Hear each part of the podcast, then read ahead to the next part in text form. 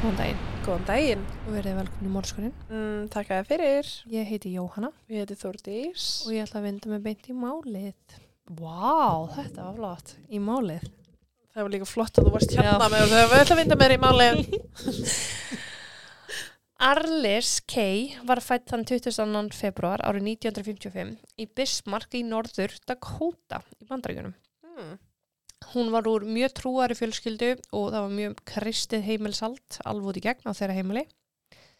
En Arlis var sögðu vera ótrúlega jákvæð stelpa, hún vildi öllum vel og með mjög mikla samkend og tröst fólkinu sinu.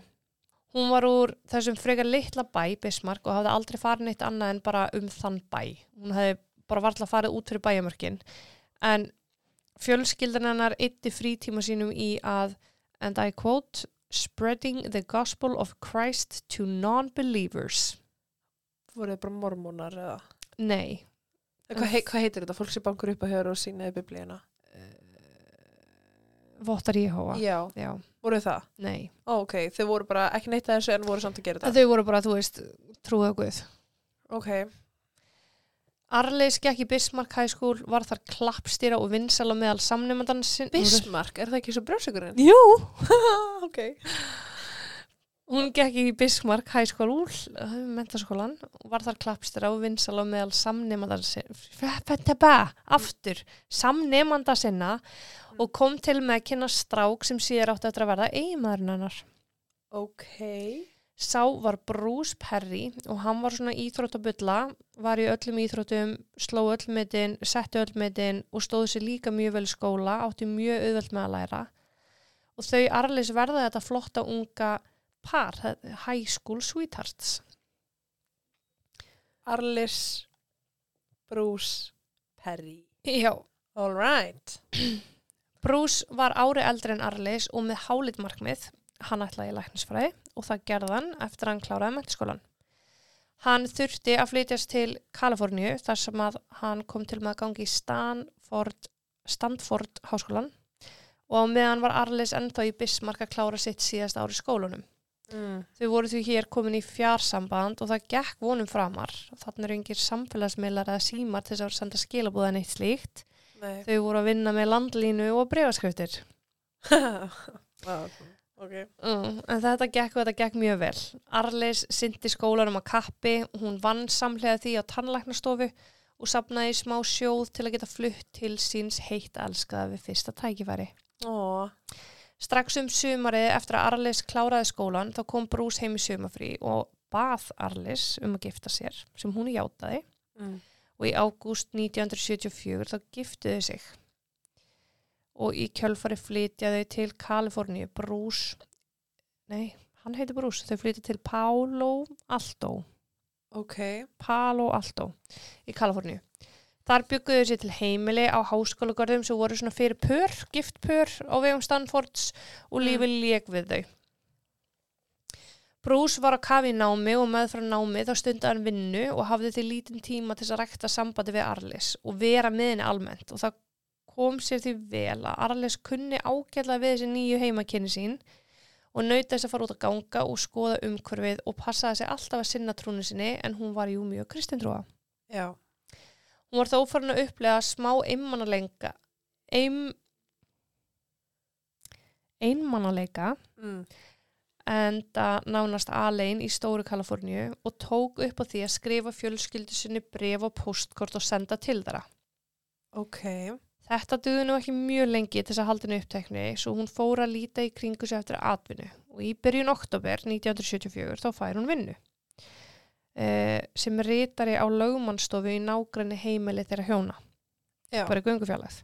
Ok. Hún var nú komin með flotta rútinu, hún vann sína vinnu, gekk sína göngutúra, var meira sér fann að skokka eins líka og var orðið bara mjög kunnug svæðinu.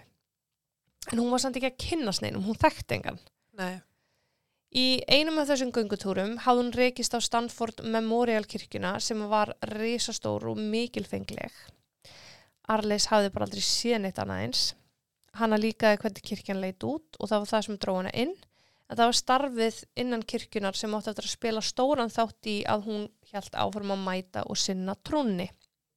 Mm. Mm. Mm, Hún var til komin með enn fastari rútinu en Arlis upplöði sér samt einmana.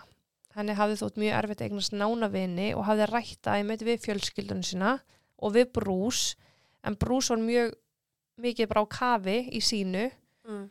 eitthvað sem hún vissi að kæm alltaf til með að verða og var að reyna að sína því umbröðlendi en fannst það samt allt mjög erfitt Já. eðlilega en hún ákvaði eins og með svo margt annað að leifa Guði að passa að allt færi í réttan farveg Já. Lífið hjælt sínu varangang, Arlis vann, hún mætti í kirkju og hún fór í göngutúra. Laugardaginn 12. oktober hafði verið svona nokkuð venjulegu dagur, það hafði verið mikið í gangi samt í nærum hverfi Arlis og Brús, en rauðningsleið skólans hafði spilað leik þetta kvöld og jafnað eftir eitthvað glatað tímabil Uh. og því mikið af fólki úti að fagna. Arlis var ekki djamra típan og brús mjög upptekinn í náminu sínu þannig að hún hafði ákveðið að vera bara heima með sínu manni þetta kvöld. En það var uh, um 11 leitið sem að Arlis ákveður að hann langi að fara bara í göngutúr eins og hún var bara vun að gera. Ok.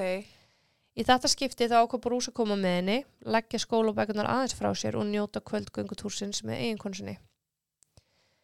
Stefnum var tekin að postkassa þar sem að Arlis ætlaði að skila af sér brefum sem hún hafði skrifað í vikunni, brefum til ættingja og vina heima fyrir. Á meðan þau ganga saman þá eru þau að spjalla og svona aðeins að gera upp vikuna og áður en þau vita af eru þau farin að bara hálfpartinn þræta við hvort annað. Ok. Það var einhvað sem snýri að bílnum þeirra. Þau voru ósamála um hvort þeirra bæri ábyrð á því að sinna einhver vandamál sem hefði komið upp varðandi dekkin. Ok. Þessi litli ágreiningur verður til þess að þau fara heila bara að rífast og Arlis byður brú sem um að gefa sér smá tíma til þess að bara fá að vera einu og í friði. Það er svo fyrir sjálegt, sko. Brús fannst það ekkert galin hugmynd þau voru þarna á þessum tíma staðsett mjög nálat kirkjunni sem að Arlis leið svo vel í og rétt tæpur kílómetr heim til þeirra. Þannig að Brús hefði þú veist tekið tíu myndir að labba heim. Og hann bara, ok. Já. Hann ákveði því rétt fyrir klukkan hálf tólf uh, fyrir minnati að kveðja eiginkonu sinna og labba á stað heim og Arlis hjælt inn í kirkjuna til þess að byðja. Hún fór inn í kirkjuna. Já. Ok. Sem er bara opin öllum tímum sólurhengsins. Nei. Ok. Brús hafði farið heim og gerði svona fastlega ráð fyrir því að Arlis væri bara kannski kortir á eftir sér. Uh -huh. Hann gerði bara ráð fyrir því að hún var að byðja og kemur svo heim og gerði fastlega ráð fyrir því mér að segja að þessi rifrildi sem höfði átt sér stað myndi halda áfram þegar hún kemi heim. Þannig að hann var svolítið svona að koma sér í gýrin bara. Bara ákveð hvað hann alltaf að segja. Já. Ok. Þegar klukkan var ánum kortur við 12 þá leist Brús lítið á bleikuna en Arlis var þá ekki enn komin heim og þannig eru 45 mínútur síðan að hann segi bless við hana. Ok. Hann ákvað því að fara út að labba í áttakirkjunni. Hann hlýti bara að mæta Arlis á leiðinni, hjælt hann. En svo var ekki. Brús labbaði alla leið að kirkjunni og komst fljótt að því að þar var allt lokað og læst. Öll ljóslögt og ekkert að frétta. Og enginn heima. Engin heima. Þetta fannst honum afar undarlegt og ákvaði að ganga um háskólasvæðið. Það geti alveg eins verið að Arlis hafi ákvaði að ganga hans meira um áður en hún kemi heim til þess að kæla sig hans niður. Mm. Hann gekk um svæðið og fann ekkert, rakst aldrei á Arlis eins og neða átt von á. Hann ákvaði því bara að fara heim að því hann taldi nokkuð örugt að hún var búin að skila sig heim á þessum tíma. Já. Svo var ekki heldur. Arlis hafði ekki skilað sér heim. Brús sannfæri sjálfa sig um að Arlis hefði bara tekið ennþá lengri göngutúr, jafnvel bara sopnaði í kirkjunni og hún myndi bara skila sér heim þegar hún var tilbúin. Inn í kirkjunni sem var lokað og læst. Já, hann bara var að reyna að búa sér til einhvað, þú veist, annað en eitthvað skelvilegt. Ok. Ef s- Skiljanlega, skilur við? Já, Já. hann hjælt þeirri sannfæringu í nokkra klukkutíma eða til þrjú þessa nótt. En þá var hann brónum vissum um að það væri ekkit rifrildi sem myndi láta Arlis haga sér svona Mm. og var orðin bara smeykur um öryggjarnar. Ok. Hann ringi þá í lauruglu og tilkynir hana týnda Sérst þrejum tímum seinna. já, þre, þremur og hálfum tíma eftir hann sér hana. Já. Segir við lauruglu að hann geti jafnvel trúa því að Arlis hafi bara sopnað inn í kirkjunni. Hvort það var ekki hægt að aðtuga það fyrir hann. Uh. Það er gert. Öryggisverðir eru fengnið til þess að fara að kirkjunni en þeir hafa lítið gert annað en að sjá bara hvort einhverju hurðar væri ólæstar. Já. Þeir að minnstu kustu fara ekki inn í kirkjuna þessa nótt. Það átti ekki eftir að vera fyrir um hálf sex um morgunin sem að öryggisverður ætti eftir að fara inn og sjá hryllingin sem hafði átt sér stað. Inn í kirkjunni? Já. En þegar Arlis hefði farið inn í kirkjuna þátt um hálf tólf kvöldi áður voru þar tveir einstaklingar sem að sátu aftalega. Ég er bara að koma því frá núna, þú veist, hver staðan var. Tveir einstaklingar sem sátu aftalega Já, þegar lögreglan kemur inn í kirkjuna. nei. Arlis labbar inn í kirkjuna klokkan hálf tólf. Uh -huh. Þegar hún labbar inn í kirkjuna þá eru tveir einstaklingar sem sitja eða aftast í kirkjunni. Ok. Hún sjálf fer nánast fremst þar sem hún fer á hnýjan og betur guðs. Ok. Bara hjá bekkjunum. Uh -huh. rétt rúmlega 12 þá voru þessi einstaklingar að fara Mm. og Arles var ennþá inn í kirkjunni og þegar þeir eru að labba út þau eða þeir, ég veit ekki kynnin Mm. uh, þeir einstaklingarnir voru að labba út úr kirkjunni þá mæta þeir ungum manni sem er að labba inn frekar háaksinn, íþróttamannslega byggður með ljósthár og klættur í st- bláa stuttar með skyrtu Ok. en já, þeir pæla rosalega lítið í þessu og þeir bara labba út og þessi maður labba inn og bara búið Já. stuttur síðar, eða rétt rúmlega 12, þá gengur öryggisverður skólasvæðisins, af því að kirkjan er á skólasvæðinu, Já. á campus area, eða þú veist. Uh -huh. Hún fellur undir öryggisvörslu sem að skólinn býður upp á. Ok. En öryggisverðurinn hleypur inn, eða já, hálflaupandi, inn í kirkjuna, frekar setna á því, af því að vaktin hans hefði átt að byrja klán 12, Mm. en þetta er svona 10 myndum kortir yfir 12. Ok. Hann er komin til þess að læsa kirkjunni, af því að hún er læst á milli 12 og 8. Ok. hann kallar inn þegar hann mætir við erum að læsa ef einhver er hérna inni þá þurfa það að fara Já. hann sér engan, hann heyrir ekkert fær ekki svar, svo hann bara ok læsi kirkjunni og fer til þess að tryggja aðrar byggingar svæðisins Ok. hann hafði ekki verið öryggsvörun sem fór að aðtöða kirkjunni klukkan þrjúum nóttina samt þegar Lögreglunni. lögreglu já, lögreglan sá aldrei um það þegar svona kampussvæði eru með svo flott lögreglteima oft að það var og sérstaklega á þessum tíma Ok. það er bara að tala um campus camp, Police. campus police, já Já. en þegar þessi lögreglu best sím til að brúst þá fara aðrir öryggismenn eða öryggsverðir til þess aðtöða kirkina Já. þessi öryggsverður, Stephen Crawford átti hins var eftir að vera sá sem að gekk inn á hryllilega glæpa vettvangin klukkan hálf sex Ok.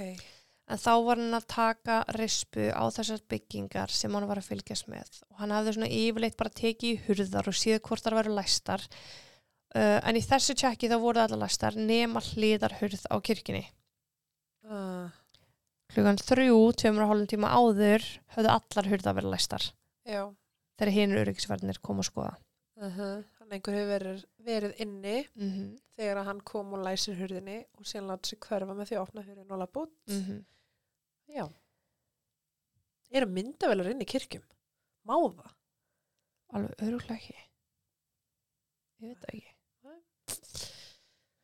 Stephen ákveður að ganga inn í kirkina að hans að líta í kringi sig og þú veist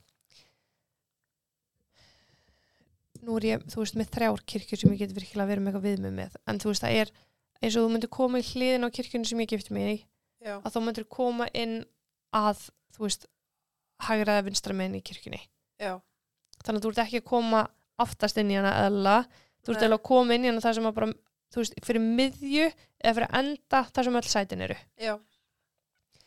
og hann sérst gengur þar inn og hann er eitthvað svona aðeins að líti kringu sig sér í alltarið, það er ekkert óvanlegt þar það vantar ekkert, Nei. það er það fyrsta sem hann er að tjekka á hvort þessi búið að stela einhverju verðmætum það var ekkert horfið, svo væntalega hafði engin þjófu verið á ferli og hann gerði bara fastlega ráð fyrir því að einhverju krakkar hefði verið að leika sér að því að brjótast inn eða ullingar eða einhvað af því að það hefði verið mjög mikið stuð kvöldinu áður Uh, púki í fólki og svona. mm. En hann ákveði samt að ganga lengur inn í kirkina og hann þurfti ekki að ganga mjög langt þegar hann gekk fram á lík Arlis. En lík Arlis lá á bakvið bekk framarlega í kirkini eiginlega bara nákvæmlega þar sem að einstaklingarnir höfðu síðan að byggja 6 klukkstundum áður. Ok. Stífin tilkynnti þetta strax til sinna yfirmanna sem hann kölluði til lauruglu. Mm. Arlis hafði fundist liggjandi á bakvið bekk, eins og ég nefndi, með buksunar dregnar niður og nærbuksunar líka, Oh. Blússan hennar var rifin opin, hendur hennar á bringunni og hún var með kert á milli brjóstana. Það sem að leita út fyrir að hafa verið tilrun þess að láta hana halda á kertinu. Uh, Henni hefði verið stilt upp þannig. ok. Hún hefði hlotið meiri háttar áverka en ísnál stóð út úr höfðun á henni Ói. rétt við vinstra eira. Hver fær fólk bara ísnál? Ég held að þetta sé eitthvað voða vinsaldan úti. Já, en hvað er þetta að gera með ísnál í Kaliforníu, spyr ég mér samt að. Uh Arleis hefði verið misþyrmt gríðalega en 75 cm löngu kerti hafði einnig verið komið fyrir í laggöngum hennar. Það stóð út úr henni.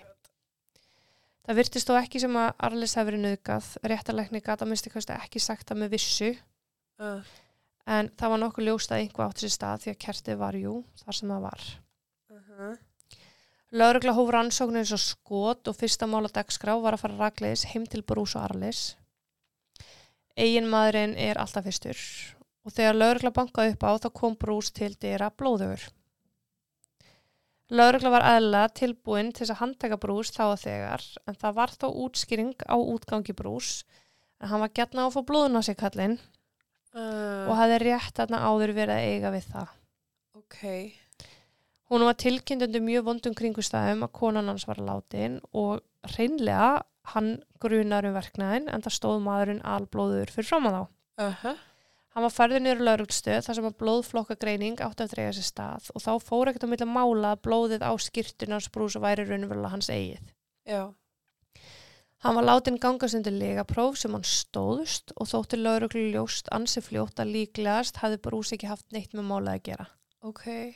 Lauruglega hafði tekist að fá lóafar af kertinu sem að fannst inn í Arlis Mm. og lóafarið hafði ekki stemt við lóafar brús heldur sem að styrti þá hugmynd enn frekar sem að hann hafði ekki haft neitt með málað að gera. Ok.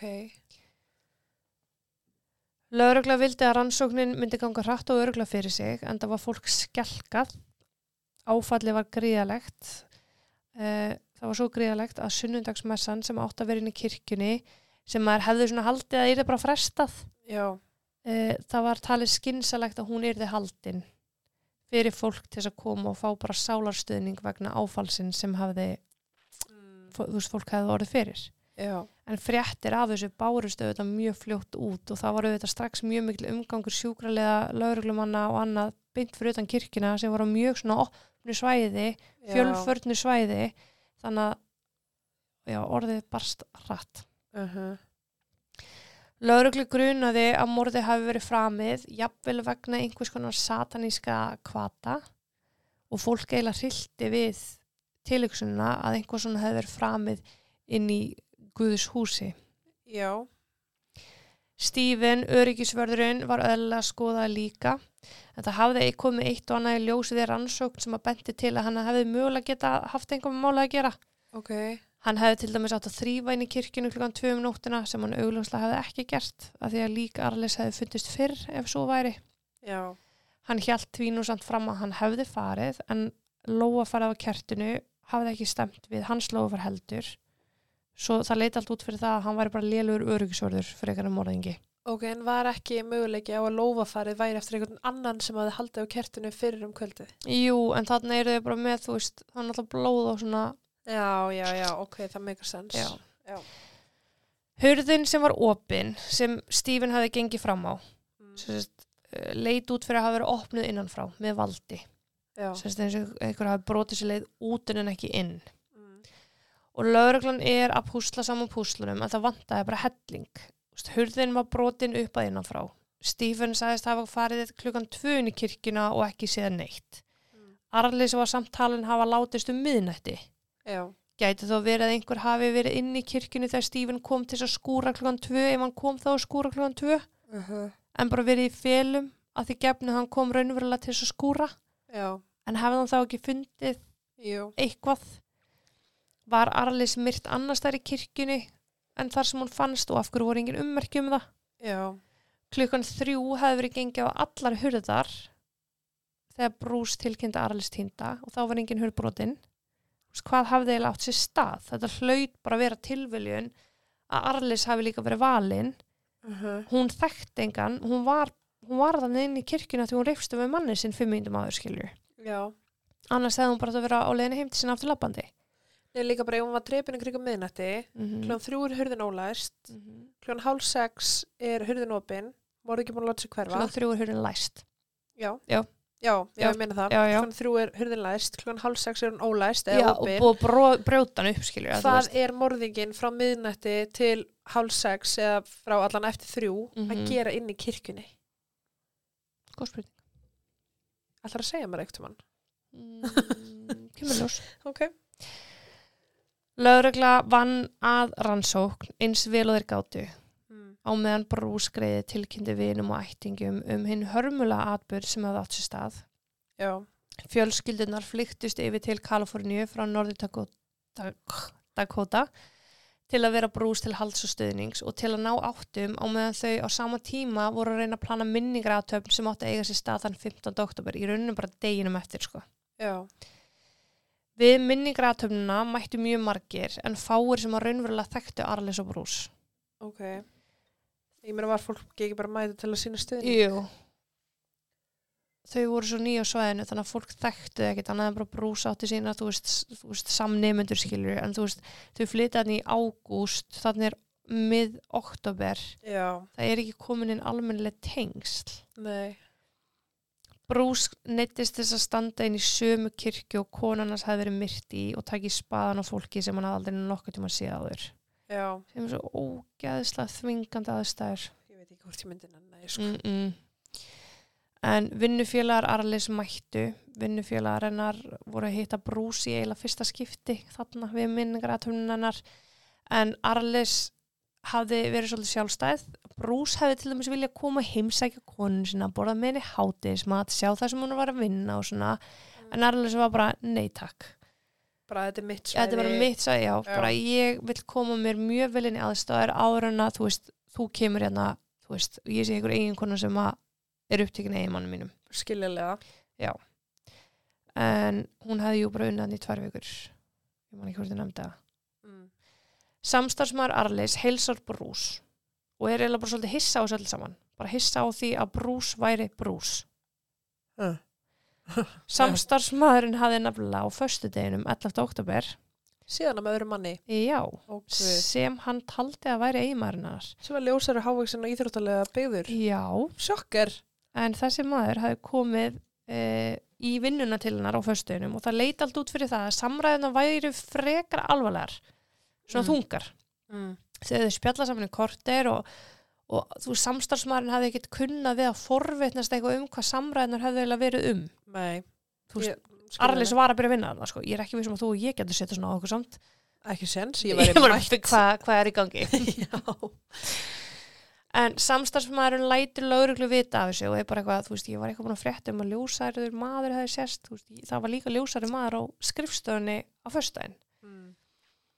Og lauruglan hafi sko almennt lítið verið að pæla í þessu manni sem hefði gengið inn í kirkjuna, sem að vittin hefði séð. Ok, spesamt, hann er svona sem í síðasti aðlinn til að sjá hana. Já, en sko trúlegast er það vegna þess að þetta er eins almenn lýsing á venjulegu manni og hægt er að hugsa sér Já, þú veist, þetta er bara maður sem er svolítið, há- þú veist, smá hávaxin Með ljóst hár. Já, og er bláru skýrtu, já, já, það er fjórða hverju bandar, bandaríkjamaður eða eitthvað skilur þú veist, sérstaklega í Kaliforníu þar sem þú voru allir með svona eitthvað beach blonde hair, emmi. þú veist en en þrátt vera lýsinga vittnana á manninu sem gekk inn í kirkjuna og lýsingarnar, lýsingarnar á þessum manni varu frekar líkar Mm. að þá var lögreglum bara eitthvað það er ekkert sem segir samt að þetta hafi verið sami maðurinn sko. þú veist og það var ekkert að finnast í persónulega lífa Arli sem að bendi á nokkuð skapaðan hlut heldur en hún hafi verið að halda framhjá eða þekkti almennt einhvern í kringum þú veist, En var ekki hægt að gera eitthvað skissu frá báðum vittnum í sikkur lagi og byrja það saman og sjá hvort þau um sig er það saman manni? lögreglum bara tók ekki það skref Nei, flottir. en það var klálega ástæði til að skoða þetta betur en það var bara ekki gert Uh -huh. Viku síðar var lík Araleis flutt í heimabæ hennar þar sem að hún var jörðuð við fallega aðtöfn í sömu kirkju og hún hefði giftst sínum heitt elskaða bara nokkru mánuðum áður. mm. Fjölskyldan hennar og eiginmaður voru ekki bara að díla við þennan skelfilega missi, heldur þá staðurind að lauruglan virtist ekkert geta svarað. Hvað hefði átt sér stað eða hver var sigur? já, Þetta var auðvitað til þess að alls konar kenninga fór að myndast og voru á allra vörum og fjölskylda brús meira að segja átti hluta því að koma þeim að stað í setni tíð uh, en meðal annars var kenningum að Arles hafi bara verið hluta einhvers konar öfgatrúa hóp í Bismarck heimabæjanar hóp sem að lindist satanískrar trúar ok, og voru taldir hafa eldana til Kaliforníu og dreipa hana þar mm. það passaði ekki alveg þá tengdist þetta inn á Son of Sam sem er sko, ég þekk get ekkit nógu vel en sko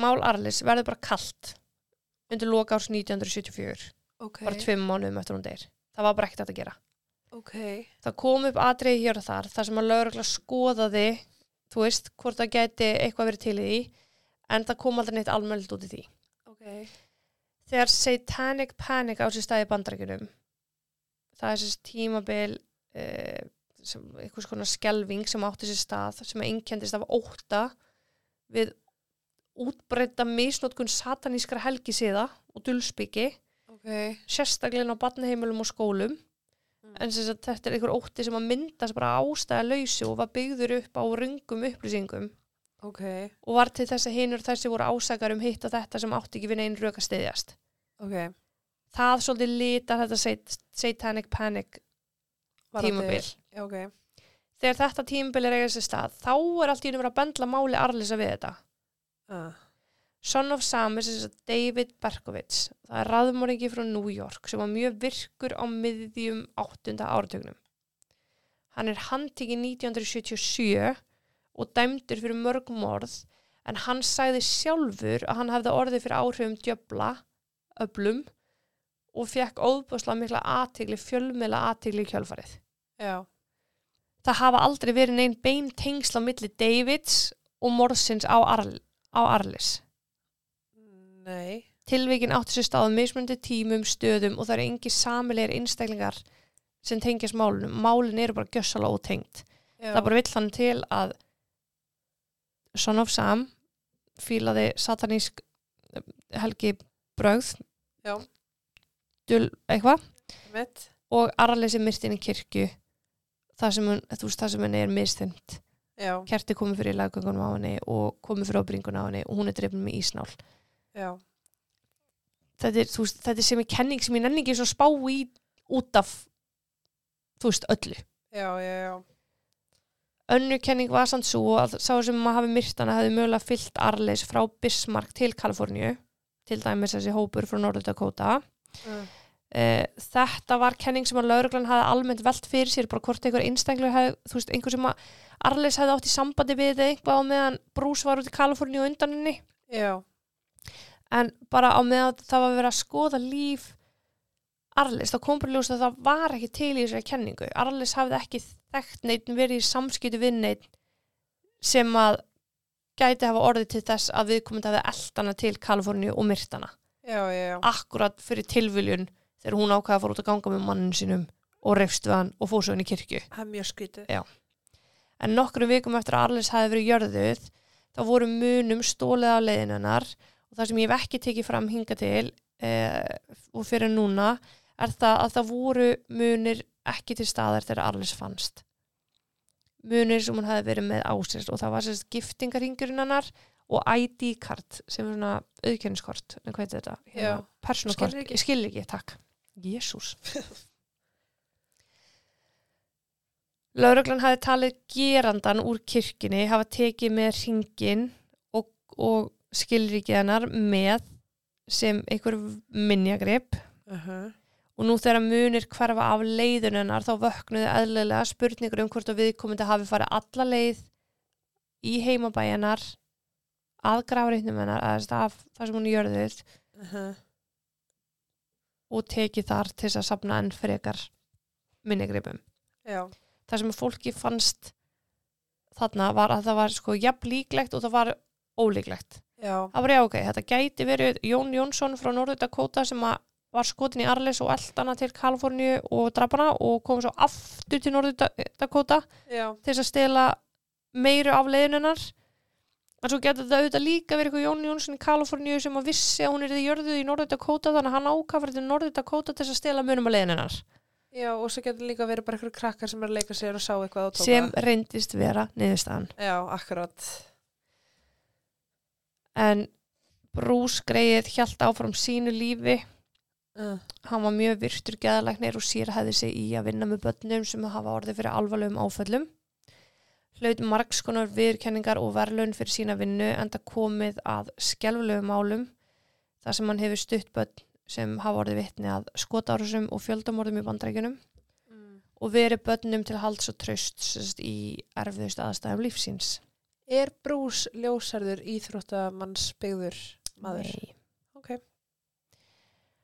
Bruce giftist aftur og hefur haldið sér nokkuð vel frá fjölumölum og kosið að tjá sér lítið um málið Mm. en það eru auðvitað trúðar þarna úti sem að hafa bara verið vissur um það að hann hafi haft eitthvað með málega að gera Já, en máleginar Arles var skít kalt þangað til einn daginn var það bara alls ekki svo kalt ok. það var ekki fyrir 2018 Mm. hún deyr 1974 Sælir.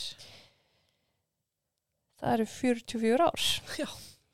þann 28. júni árið 2018 þá mætti Santa Clara lauruglan að heimilumanns í þeim tilgangi að framkoma húsleitt vegna gruns um tengingu hans við mál Arlis Perry. Ok. Ekki gekk betur en svo en að þegar síslumanns embætið mætti neitað hinn grunað að opna hurðina og það voru eitthvað, eitthvað plexi gegnum hurðina Mm. svo að hurðin er að lokum brotin upp. Já, Þegar lauruglumenn stigu inn þá tók á mótið þeim maður með byssu í hönd og hann var að miðinni á lauruglumennina já, og þar sem að þeir voru óvopnaðir akkurat þarna þá bakkaðir. ok. Áður en að lauruglumenn gætu komið sér í viðjandi stöður að þá heyrist uh, skotkallur. En hinn grunaði hafi fyrirfæri sér. Uh. Hver var svo grunaði? Á, ég veit hver það er. Má ég giska? Mm Stephen. Það var Stephen Crawford, öryggisverðurinn sem að koma að líka Arles Perry undir morgun þann 13. oktober 1974. Oh my god, ok. Upplýsingarna sem við erum með í dag, sem ég er búin að segja ykkur frá, Mm. voru ekki byrtar fyrir en eftir þetta, 2018. Ok, Fjölskyldan vissi ekki að hún hefði verið fundist með kerti í laggöngunum eða ísnál í höfðinu. það var bara engin sem vissi það. Nei. Auðvitað Stephen, alltaf, hann alltaf kom að henni. Já, en ég er að segja að þú veist, það var svo vel haldið utanum þessar upplýsingarskilur, þú veist að Mm. lögreglan var að gera eitthvað án þess að einhver vissi. Já, en já, eins, og- eins og ég segi margt hefur ekki komið í ljós fyrir en eftir að Stephen deyr svo sagt fyrir fyrir sér ok. Lauruglan hafði frá upphafi verið með einhvers konar kotta úr kirkinu sem að áfannst sæði Ok, sem að kom aldrei í ljós sem að lauruglan sagði aldrei fjölskyldin frá já, fjölskyldu Arlis já, en vegna takmarkaðara rannsókna aðferða þá var lítið hægt að gera við þar upplýsingar uh Uh-huh. hann hafði alltaf komið sterklega til greina sem var að stórum hluta ástæða af hverju þeir voru lítið að kippa sér upp við þessa lýsingu á ljósharða manninum í kirkinu og á vinnustæðanum. já, mega sense. Augu lauruglu beindust alltaf að Stephen. Sagan hans var léleg fyrir það fyrsta. Hann var flóttalegur og svona ekki, kannski ekki allt og tilbúin til þess að taka þátt sko. Nei, En það voru sönnunagögnin þú veist, sem voru svo léleg sem var til þess að þau höfðu neðist þess að sleppa honum. já. lóafarið að einhverjum ástæðum passaði ekki til dæmis við hann Já, það er skrítið, mm en getur verið að einhver annar hafi, já. já, það er nefnilega komað eftir Ertu að fara að segja mér að eina sem gæt tengt hann er sæðið á kottanum? Mm, nei Ok. Stephen hafði verið í flughernum á sínum yngri árum Mm. og hann hafði hafið störf sem lögreglumæður eða svona einskonar lögreglumæður hann vann sem vopnaður öryggisverður hjá Stanford örygg, öryggiskesslunni Já, sem var auðvitað í, á þeim tíma til meira gig og uh. jobb en það er í dag kannski uh, en árið 1972 er ákveðið að endur skipleggja alla deildunar ok, og þeir eru allir látnir sækja um stöðuna sínar formlega já, og Stephen hafi verið í ykkur svona yfirmannsstöðu þurfti að sækja um vinnuna sína aftur Mm. og endur umsækja og sækjum aftur um skotofnuleifi þeir voru bara eitthvað að vildi hafa hlutuna örga ok rúmlega 75 starfsmanna sem voru ekki ráðnir í sína fyrirstöður að einhverjum ástæðum e, var í þess bóði starf sem almennur öryggsverður óvopnaður öryggsverður ok, og Stephen endar sem einn af þeim ok Hann starfaði svo hjá Stanford þar til ársins eh, 1976 já, en þá saði hann upp störfum bara eftir farsælt starf. mm. Setna kom nú samt í ljósa, hann var snar þjóður og hafði verið að stela alls konar hlutum allan sinn starfsferil hjá skólanum. Mm. ok og árið 1992 þá er hann handtíkin og ákjörðu fyrir það nákvæmlega. Lögreglan auðvitað fær meldingu um það, spottar það að hann hafi verið handtíkin og þeim fannst þetta allt mjög undarlegt. Hann var nú kannski ekki alveg eins saklaus eins og hann lét sig út fyrir að vera, fyrir að vera. áttan í sér mögulega að geta myrt líka ef hann var nógu siðlaus til þess að stela aldargömlum munum og fínir í og hagnast að því. mm. Nýjir starfsmenn voru auðvitað komni til starfa hjá lörglu og þá voru allir með mjög mikið áhuga á máli Arlis sem var svolítið svona svarti bletturinn á deildinni. já, Bara hvernig tókst ykkur ekki að leysa þetta morð. emitt Og þá voru allir mjög áhuga samir og vildu leggja sitt að mörgum til þess að leysa málið. Og það er auðvitað deild kaldra mála sem að tekur upp málið og þar beinast öll augu að Stífun já, og hann er í kjölfarið fenginn til þess að koma í margar yfirheyslur og eftir smá tíma er fengið í gegn að hann skili DNA síni og það er að lokum borið saman við einhvað, það er ekki sagt beint út kottin með sæðið já, og það hefur komið út niðurst að það var yfirgnæfandi líkur á að hann ætti uh, þetta sæði eða þessar nei, ekki sæði, lífsýnið sem Þetta hann fannst á lífsýni, já. vettvangi En eru engar líkur á því að hann hafi bara verið að runga sér? Stressaðu dagur? Klá, klárum þessa, klárum þessa samræðu, fyrir svo í það Ok. niðurstunum fara ekkert á milli mála hann átti einhvað þarna inni Já. Stephen hefur sjálfsagt átt að segja á því að hann væri komin í djúpan skýt þegar lögregla bankar upp á Eh. Uh-huh. og kýst á frekar að fyrirfara sér og þar með tekur alla söguna með Já, út af því að því að öll gögn benda á Stephen já, að þá er málið talið óupplýst en ekki upplýst í dag. já. Ok, en það er samt, þú veist, já. upplýst Mm. en hvaðið mitt ef að hann hefur bara verið ykkur öryggsværi sem vildi leta hans á sér í skjólinætur Og hann var hrættur um að það væri bannað. Þess að fyrirfóra hann sér. Já, eða bara gera sér greið fyrir því að hann myndi örugglega tengjast vettvanginum og þar með tengjast glæpnum.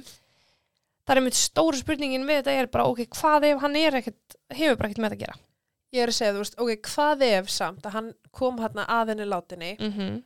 og bara er ógeð og rungaði sér yfir því Já, það má náttúrulega, Og fór náttúrulega vel síðan. vera, sko. Já, þú veist, og svo kemur lögreglum að banka upp á og hann bara er í paniki vegna þess að hann er ógeð Já, Já, eða þú veist, já Það er eitthvað ég hef, sem ég... hef meiri, já, ég hef mynd- meiri áhyggjur af því að, sko, að nei, ég hef það reyndar ekki neitt. Mér finnst, ég held hans í segur, sko. Af því Já. að mér finnst þetta vera svolítið bara tímalínan frá því að Arleis labbar hann í kirkjuna þú veist, Mm. það er voða heppilegt að Stephen hafi mætt hann að rúmlega tólf kallað inn, að nei, það er engin hérna, ég ætla að læsa öllu og það er voða heppilegt fyrir hann líka að segja svo, já, ég kom hann að kljóðan tveim nóttunum, ég skúraði, Já, en ég sá ekki neitt veist- akkurat og svo kemur hann inn kljóðan hálf sjö, af því hann, all, hann náttúrulega varða enda vaktina á að kíkja þangað og þá sér hann, þú veist, hann var að kíkja á húsnæðið á einhverjum tímhóti Já, gera það þarna og það er búið að brjóta upp hörðina hvað ef hann læsti sig inni mm, var lengi, og þetta er einn kenning hann læsti sig inni í kirkjunni með Arlis var lengi að kvelja hana já, og var sjálfur inn í kirkjunni þanga til að öryggisverðin voru búnir að labba á allar hurðar emitt. og til þess að reyna að láta þetta líta betur út þá braust, braust hann út en ekki þannig að lita út fyrir einhverju hafi komist inn með leikli. Já. Skilja hvað ég á við. Mm Mér finnst það líklega og líka mér segja svolítið að hann hafi fyrirfara sér. Já, það er mín skoðun á þessu það þú veist ég var búin að sjá, þú veist, að það voru tvönur mál á svæðinu sem að voru líka óupplýst allan annan tíma og það var á sveipum tíma, það er þú veist, eina tengingin já. hvort að, þess að voru kyrtar sann sko já, já. þú veist, eina sem ég sé er hvort að hann draf Arlis já, já, þú veist, út af því að hann draf hérna tvær og hann er með eitthvað fleiri mál á sér sem að eru óupplýst það er, þú veist, það eru auðvitað allar líkur að því að, að Stephen hafi gert þetta en eins og Þordís var réttilega að minnast á það náttúrulega, þú veist, að hafa verið önnum mál á svæðinu, þar sem aðri menn hafa verið dæmdir fyrir fleiri neitt og fleiri en tvö morði einu, uh -huh. sem að gætu auðvitað hafa haft eitthvað með mála að gera Þú veist að því eina sem ég set spurningumarki við er, ok, jú, hann átti þá líklegast sæðið mm Mhm. -hmm. og þú veist, mjög líklega hann, en getur líka verið að hann hafa bara verið ógeð, komið að henni þegar hann átti að fara að skúra, runga sér af því hann er aftur ógeð og svo bara, herðu, ég vil ekki hafa neitt með þetta að gera. og verið að nynni þanga til Já, að en, hann brýst inn og fyrir aftur inn já, en þú veist, út af því að handafarið passaði ekki við hann og þá hugsa ég, þú veist, ok, hver Já. átti þá þetta handafar? ég leifi mér að efast tæknina líka með Já. það að gera en ef ég ætla að draga það í efa þá er ég að draga brúsi í efa Já. þú veist þetta er, þetta er tví ekki svært skilur þú veist þetta er Uh -huh. ef ég ætla að draga einhver rannsóknir að fyrir í efa þá er ég að draga allt í efa Já, líka sko að því að það er hérna um þrjú sem að þessi Steven kemur og tjekkar öllu. þá eru aðrir öryggsvarðir Það voru aðrir sem kom og tjekka. Mhm. Ok, það er um þrjú litið. Já. Og, þá er alveg mál, það er eftir að brúsi hringi lauruglu og lætu vita að hann, hann telji alveg eins líklegt að konuna sem við sopnaði í kirkjunni já, þannig að Bruce er búin að ringi lauruglu mm Mhm. -hmm. áður en að hurðin er brotin. já, Ok. hurðin er hurðin er í lægi kljóðan þrjú Og Hún þá er brotin 20 myndir í 6, þess háls 6, já, 20 þannig að myndir millir 6. þrjú og hálf sex er hún Já. brotin, en þá er Bruce búin að ringi lauruglu. Já. Það er útilega Bruce strax. Já. Já. Þannig að, ok, bless Bruce. Mm En- En enga síður, rannsóknar aðferðin, Já. þú veist, sem að hreinsaði brús af grun Uh -huh. yfir höfuð, ef ég ætla að fara að draga hann í efa, mm. að þá er ég, að, þú veist, En svo er maður einmitt, þú veist, þessu Steven, já, hann er með likla kirkjunni, mm hann Brist- gæti farið inn hvena sem hann vildi. já, en það sem hann lætur mig hugsa er, ertu það heimskur að skilja sæðið þetta eftir í kotta inn á staðnum, en þú ert ekki það heimskur að hugsa, ok, ég verða að láta lítið út þessu ykkur að brotist út úr kirkjunni og brýtur upp hurna til að fara. Veistu það, ég, það þarf bara ekki að vera hann að fatta að hafi skotið sæði og eitthvað kotta, sko. Já. Ég meina hvert fer sæðið, þú gleipið það ekkert. Nei, en ég meina, þú veist, ef hann bara fekk það í eitthvað og f- fór eitthvað aðeins út. Já. kannski, þú veist, svo er það líka var, að, var þetta nýlegt, þú veist, það eru enda upplýsingar í þessum sem hafa ekki verið gefnur upp bæði af því að það er að vera 50 ár sinni það var, sko. Uh Þú veist, mér erst eitt og sér að sæðans eða eitthvað DNA fannst hann inni. Þú veist, og líka bara það, það er ekki búið staðfyrst að þetta hafi verið sæðans á kottanum. Það er ekki En búið það- að gefa, búið, búið nei. að tala um lífsýni. já.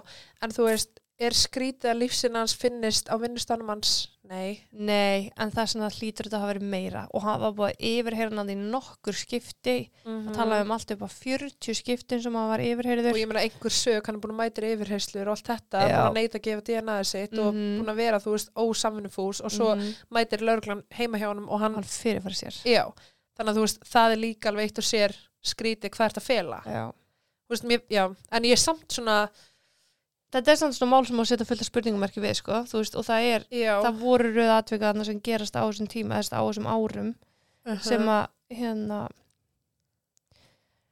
sem að einhver annar hefði geta haft eitthvað með málið hann að Arlisa að gera en að samaskapi er líka búið að snúa spurningunni upp á Stífin hvað er Stífin búin að gera? Hverju hefur eftir að koma að stað -hmm. núna. Þannig svolítið erfitt, en þú veist, það leitt mér líka að hugsa, þú veist, þannig í kjölfæri væntalega var framin húsleit heima hjá honum. Mm. Ég meina, fundust eitthvað tíman þessar eigurinnar arlisar heima hjá honum? Húsleitin var framkvæmt þetta mikið setna, sko. Ég veit að, en þú veist, ég meina, ættir ekki að geima þessi minningar í bara eilifu og vera stoltur af sjálfu þér? Ég veit það ekki. Ég veit Þú það veist, eh, ekki. eða, þú veist, ég set líka spurningumerki við það, þú veist, Hann fluttist aðeins, sko, fluttist á milli staða já, og var búin að koma sér upp ykkur svona pínu teikulind á hlutunum sem hann hafði stóla frá Stanford. já, Þannig að hann hafði það fínt og hann var vist bara hinn rólegasti, ljúfasti kall, sagði til dæmis leigusalunars, bara nei, þú veist, hann var bara gekk með stafa því að hann var haldur og mm. rosa fýtt kall, sko. já. En oftast eru líka rosa fínu kallar, Ógæslega styr, Já, þú veist, þú með, veist, eða bara rosa fínt fólk. bara fólk sem að, uh, lítur út fyrir að hafa aldrei gert nokkert skapaðan hlut af sér með eitthvað hryllilegt á bakinu, sko. Já, En enga síður, þetta er ömulegt og Arlis uh, var 19 ára gömul. mm. shit, hvað hann var ung. Mm -hmm. Gift, ég vil að fólk að gifta þessi und úti maður. Mhm. En þau voru líka rosalega kristin, Já, reyndar. kannski til þess að Er það, er það einn ástæðan fyrir að ég er 29 ára og get á einleip? Ég er að tala um kynlíf fyrir hjónaband sko. Ó, Já, ok. ok. Ok, á þess að ég hef einhverju humda. um Já, herru, þetta var mál Arlis Perry. yes, yes, yes, yes. Takka fyrir, ég, nei, eitt samt, ég er samt svo fegin að Bruce hafinn tekist að gera svona gott úr sínu lífi eftir svona ofbúslegt áfall. Já, Áfall að, sko, þú veist, þetta, þetta eru mörg áfall í honum, konan steir, uh -huh. eftir hann rifst við hana. Það er eilíða fokkin samvinskupið sem er bara framöndan, bara út af því einu. já, Hann skildi hann eftir eilíða samvinskupið. uh Þú veist, hann tók með þetta ákvörðunum að fara heim Þú veist, það er allt bara, þú veist, bara samvöskuð bit já. út lífið Mm -hmm. en svo er það líka þú veist að hann er í smástund bendlaði við gleipin Já, og svo er konan hans bendluð við ykkur sataníska starfsemi í norðu Dakota sem að elduðu til Kaliforníu það er Já. annað áfall emitt. og allir þessi hlutir skilur sem að spila svo stór þátt örgli hans andlega skilur og s- svo bara einhvern veginn nær hann að gera gott úr sínu Mm verður bara þessi flotti læknir og er að skila svo miklu til samfélagsins með því að vera fólki til halds og stuðnings sem hefur í rauninni gengið í gegnum sam og hann sem er að missa eitthvað út af svona mandrápi sko. Já, akkurat. ok, ég hef ekki minnað, nei, já ég ætlaði bara að bæta þessu eitt. Já, nei, algjörlega, sko. en ég ætla að þakka fyrir mig í dag Já, heyri ykkur sér takk í dag og takk og bless. takk og bless